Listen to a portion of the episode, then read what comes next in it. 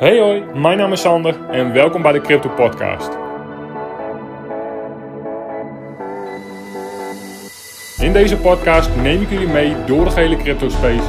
Hou ik jullie op de hoogte van het laatste nieuws en de laatste ontwikkelingen op dit gebied, zodat jullie voor jezelf kunnen bepalen of crypto iets is wat bij je past. Content uit deze podcast is puur voor entertainment doeleinden en is geen zins financieel en of beleggingsadvies. Welkom en heel veel luisterplezier. Oké, welkom bij seizoen 3, aflevering 18. Uh, ik ben er weer, ik moest er even een weekje tussenuit. Even iets meer afstand tot de cryptomarkt dus. Maar ik ben er weer. En ik vond het ook wel even leuk om even te kijken hoe uh, nou, de situatie zich ging ontwikkelen met de banken. En alles erop en eraan. Dus. Uh, maar daar wil ik het in deze aflevering wel gewoon even weer over hebben natuurlijk. Over het traditionele financiële systeem. Over alles wat er met de banken aan de hand is natuurlijk. Uh, dat is nu toch wel een beetje het gesprek van de dag. En het is ook in die zin wel een interessante uh, situatie om te zien hoe het zich allemaal gaat ontwikkelen. En ik weet niet of ik het er in mijn vorige aflevering heb ik het er al een beetje over gehad. Het piept en kraakt natuurlijk aan alle kanten in het traditionele financiële systeem. En ik vind de mooie dynamiek aan de hele situatie vind ik dan wel weer is, is dat met name speelt dit op dit moment nog heel erg in Amerika. Um, en natuurlijk mondiaal, omdat al die banken met elkaar verbonden zijn. Maar het is eh, interessant om te zien hoe het zich allemaal gaat ontwikkelen. Maar het is zo interessant om te zien hoe de Amerikaanse overheid nu heel erg tegen crypto aan het aandrukken is. Enorme crackdowns, allerlei wet en regelgeving die naar voren gepusht wordt. En legislation met betrekking tot crypto.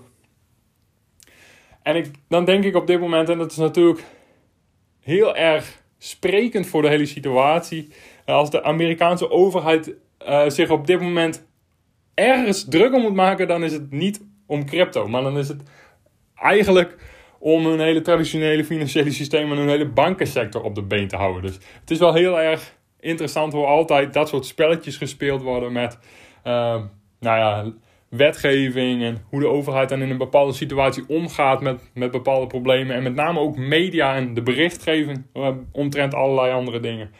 Maar dan denk ik, dit is precies, deze hele situatie, dit is precies waarom Bitcoin in 2008 ontwikkeld is in het midst van de bankencrisis toen. Omdat er gewoon heel erg behoefte was aan een, aan een waardeopslag waar je waarde in kan settelen, waar je waarde in kan opslaan zonder dat er een bank aan te pas komt. Dit is, dit is de hele ontstaansreden van Bitcoin. Dus de Amerikaanse overheid kan doen wat hij wil. Welke overheid kan doen wat hij wil. De Chinese overheid, het maakt allemaal niks uit.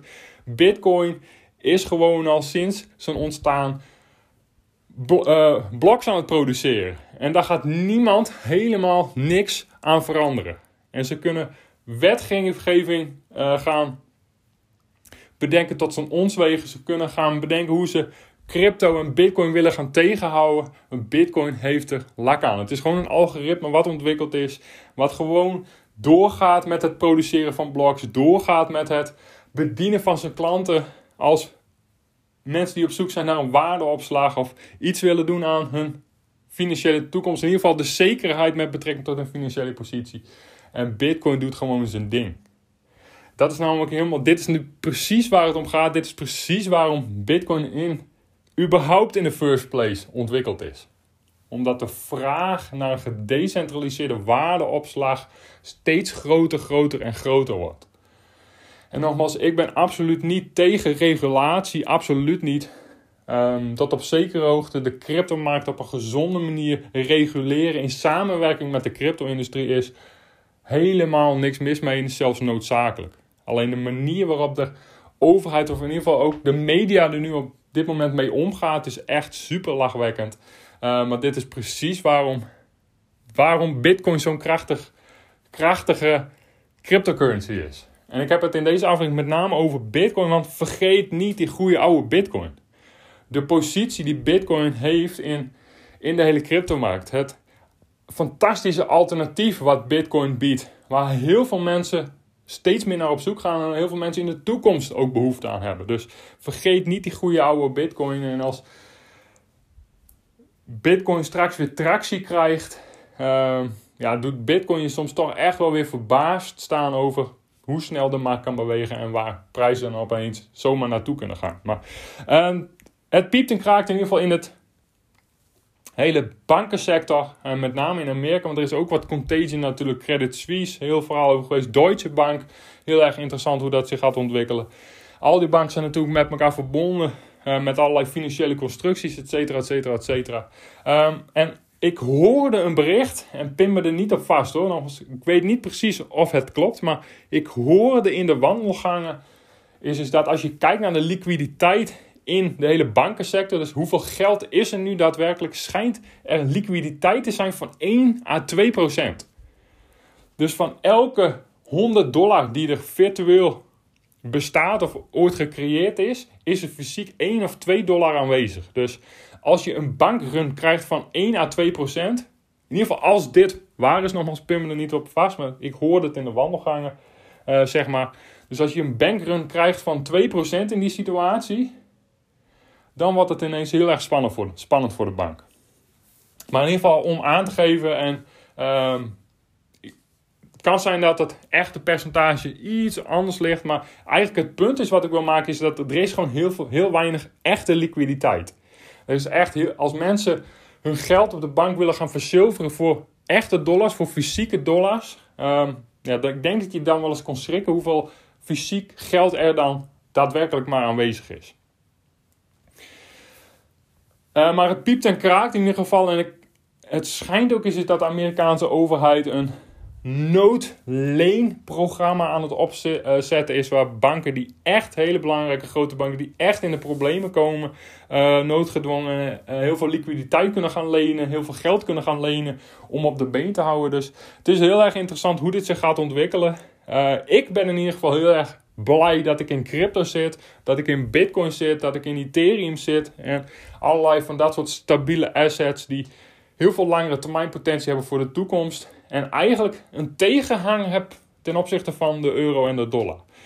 En dat is nu natuurlijk eigenlijk precies waar het om gaat. Dat is precies waar, waarom de toekomst van crypto, de toekomst van bitcoin er heel erg interessant uitziet en andere grote crypto projecten, ethereum je gaat namelijk weg bij het traditionele financiële systeem. En ik heb het veel vaker gezegd natuurlijk, alleen de roep hierom, de, de, wat steeds duidelijker, steeds meer wat het duidelijk is, is dat het steeds risicovoller wordt om aan euro's en dollars vast te houden. Eigenlijk gezinnen, families, hardwerkende mensen, hardwerkende mannen en vrouwen die voor dag en dauw op, op moeten om hard te werken voor hun euro's en hun dollars Eén is het op de langere termijn een verliezende weddenschap vanwege inflatie en het feit dat het traditionele financiële systeem steeds meer geld nodig heeft. Dat zie je nu ook maar weer. Er zal heel veel geld bijgeprint moeten gaan worden om dat systeem in stand te houden. En het eigenlijk super onverant, het steeds onverantwoorder wordt, laat ik het zo zeggen. Ook voor gezinnen, ook voor families, ook voor hardwerkende mensen. Is om alleen maar vast te houden aan euro's en dollars. Je hebt namelijk geen enkel alternatief. Je wet eigenlijk op één paard en op een paard wat nou, als met wanbeleid mee omgegaan wordt door centrale overheid, door centrale banken. En dit, het is super onverantwoord. Eigenlijk is het onverantwoord om geen beetje bitcoin te hebben, geen uh, Ethereum te hebben. In ieder geval een beetje te diversificeren. Een beetje uit die dollarpositie te gaan. Een beetje uit die europositie te gaan.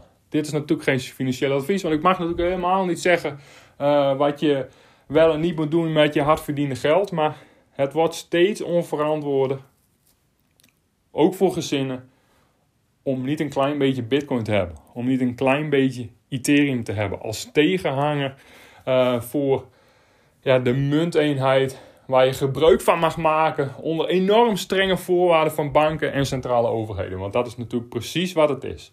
Dat geld op je bankrekening is niet van jou. Dat valt onder de terms of service van je bank. En banken gaan in de toekomst steeds meer, steeds vaker uh, beslissingen nemen over waar jij je geld wel en niet voor mag gebruiken. Wanneer, hoe, in welke hoeveelheid, et cetera, et cetera, et cetera. De CBDC's. Uh, natuurlijk ook al veel vaker over gehad. Maar uh, nogmaals, dat wil ik eigenlijk in deze aflevering na een weekje even de situatie te hebben aanschouwd, toch nog eens even weer heel erg benoemen. Dit is, dit is de, hier, de Phoenix is ontstaan uit deze as. Bitcoin is ontstaan uit de as van de bankcrisis in 2008. Dit is precies wat Bitcoin doet. Bitcoin trekt zich helemaal nergens van aan. Er is ook niemand die daar iets aan kan veranderen. Bitcoin produceert gewoon zijn blocks. Het dient als alternatief